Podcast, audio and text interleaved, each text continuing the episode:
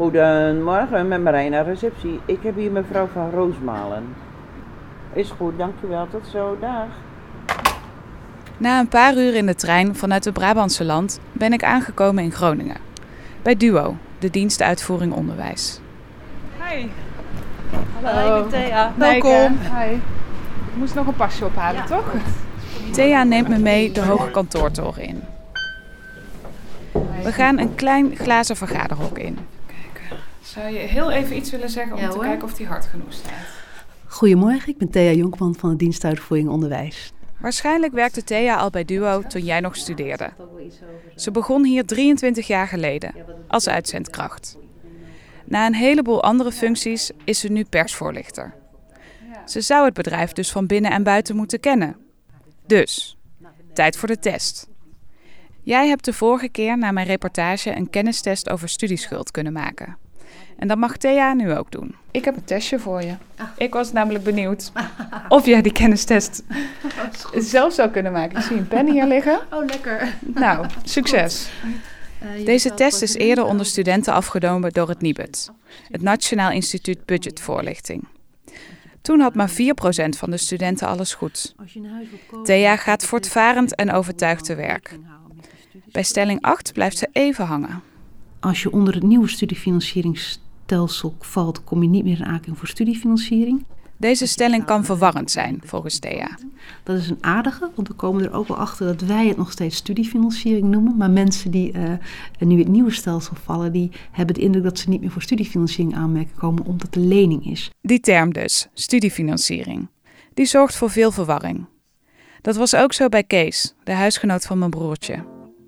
Het voelt toch een beetje als de oude stufie, het gratis geld. Maar ja, het is nu toch echt een lening. Die stelling vonden jullie, de Trace-luisteraars, trouwens ook het meest ingewikkeld. Die is het vaakst fout beantwoord tijdens het testje in mijn vorige reportage. Jullie scoren trouwens wel beter dan de studenten uit het Nibud-onderzoek. 18,5% van jullie had alles goed. Tegenover 4% van de studenten dus. Maar Thea wint. Zij scoort 100% goed. En dat is maar goed ook, want als duo het zelf al niet zou weten. Tijd voor het interview. Ik heb me goed voorbereid, want er zijn genoeg kritische vragen te stellen. Maar er zit natuurlijk wel een ervaren persvoorlichter voor mijn neus. Dus ik hoop dat ze niet te veel om de hete brei heen gaat draaien. Ik ben hier omdat ik eh, onderzoek heb gedaan naar de voorlichting richting studenten. Eh je hebt mijn reportage ook eh, gehoord. Eh, wat viel jou daaraan op? Ja, ik vind het altijd wel eh, eh, lastig om te horen dat mensen soms hun weg niet zo goed kunnen vinden binnen onze eh, website bijvoorbeeld. Dat ik denk van, hé, hoe komen ze daar nou bij? In mijn beleving staan sommige dingen daar dan wel duidelijk, terwijl het toch niet zo wordt ervaren. Ik denk dat het goed dat we daarna blijven kijken hoe dat beter kan. Ja, is dat inderdaad helder genoeg? Want de studenten die ik sprak en ook de studentenorganisaties krijgen regelmatig van mensen dat ze gewoon niet goed genoeg doorhebben wat het nu eigenlijk allemaal voor hun persoonlijke situatie betekent. Ja, daarom beginnen we ook nu het nieuwe systeem wat we eh, aankomende maand eh, in gaan voeren. En daarmee wordt nog duidelijker hoe je schuld wordt opgebouwd en eh, wat daar de consequenties van zijn. Jullie waren hier eigenlijk al van op de hoogte. Jazeker, Oké. En waarom is het dan nu nog niet aangepast? omdat de nieuwe website nog in de stijger staat. Oké, dus zodra de nieuwe website er is, dan mogen we er weer kritisch naar gaan kijken. Altijd. Ja, het is allemaal heel feitelijk hoe het op jullie website eh, staat. En ehm, ik had bijvoorbeeld ook, even kijken, want het was het Nibud. Die, die hebben ook allerlei informatie op hun website staan over studieschuld. Eh, zij zeggen bijvoorbeeld, elke euro die je leent moet je straks terugbetalen met rente. En daardoor heb je na je studie minder geld te besteden. Leen daarom alleen wat je echt nodig hebt. Want als je nu rondkomt van iets minder, profiteer je daar later van. Dat is alweer iets sturender. Zou deze toon ook bij Duo kunnen passen? En dat, vinden wij, dat blijft een lastig, is ook wat uh, onze opdrachtgever, ministerie van Onderwijs, uh, daarmee wil. Kijk, je hebt natuurlijk gewoon uh, een recht volgens de wet op een studiefinanciering. Dus je kunt natuurlijk op elke pagina blijven zeggen van, weet je het wel zeker, wil je dit? Maar je moet ook gewoon dat aanbieden waar je recht op hebt. Wel met de mitsen en maren, maar dat is even een, een keuze in de tone of voice, hoe, sterk je dat wil aanzetten. Ja.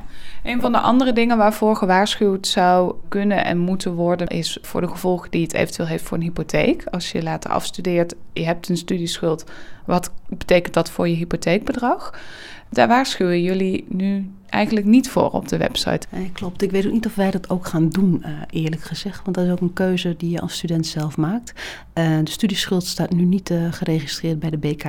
Ja, het staat niet geregistreerd bij BKR, maar je moet het volgens de wet wel noemen als je een hypotheek gaat afsluiten. En dan kan het dus ook flink schelen, want wordt, als je het noemt, wordt het ook flink meegerekend.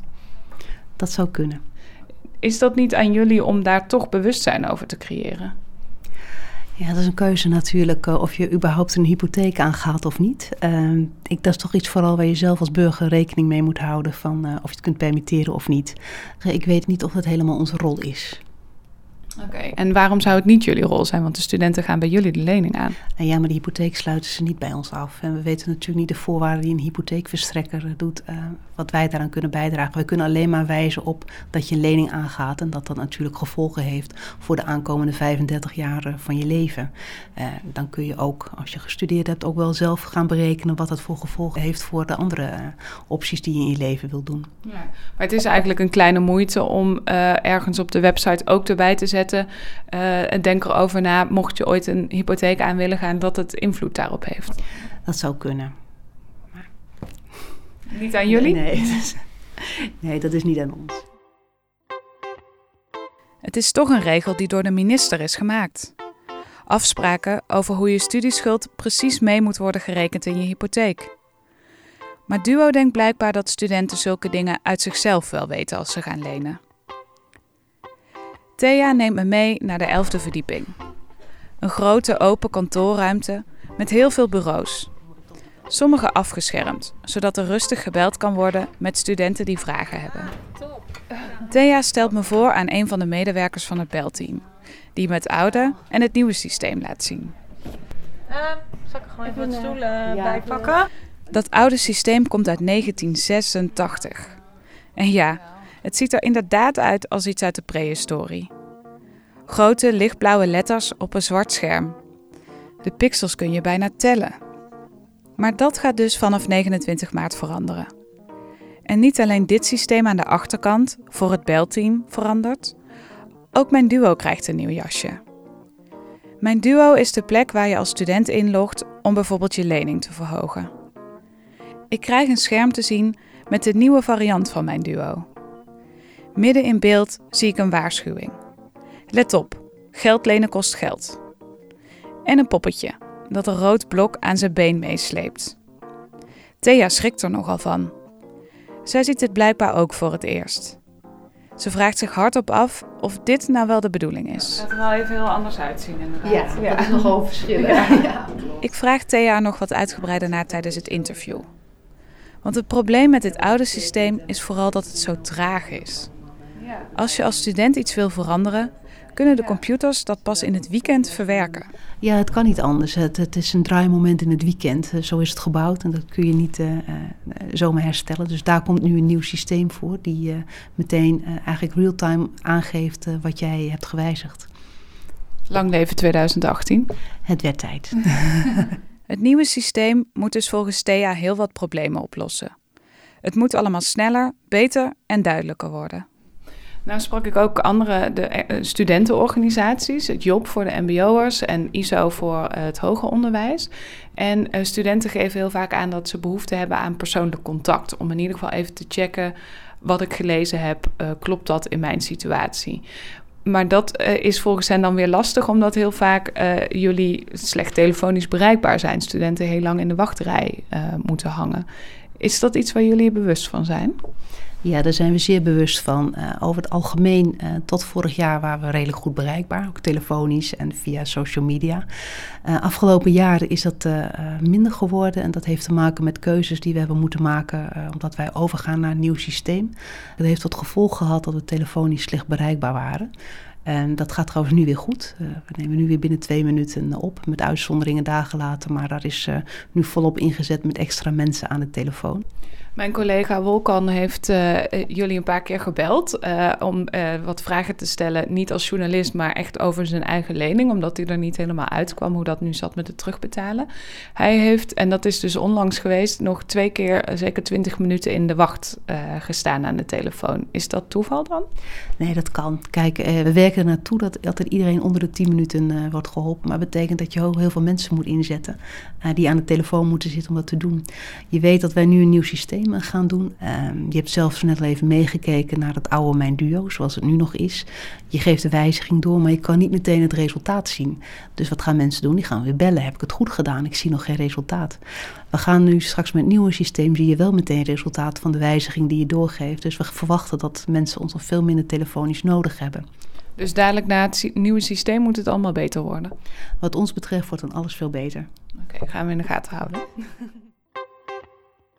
Kun je nog een oordeel vellen zelf over de voorlichting, hoe jullie zelf vinden dat het gaat?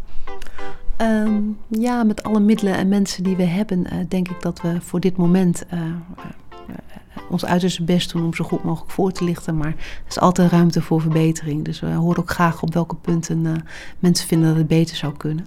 Daar staan we enorm voor open. Een sneller en duidelijker systeem. En daardoor minder lange wachtrijen. Duo belooft verbetering. Maar het is afwachten of dat in de praktijk ook echt zo werkt natuurlijk. En je hoort het, ze staan open voor alle suggesties. Dus bel ze vooral. En als je de kans op een wachtrij zo klein mogelijk wil maken, moet je dat tussen 9 en 11 doen. Want dan is het volgens Duo het rustigst. Succes!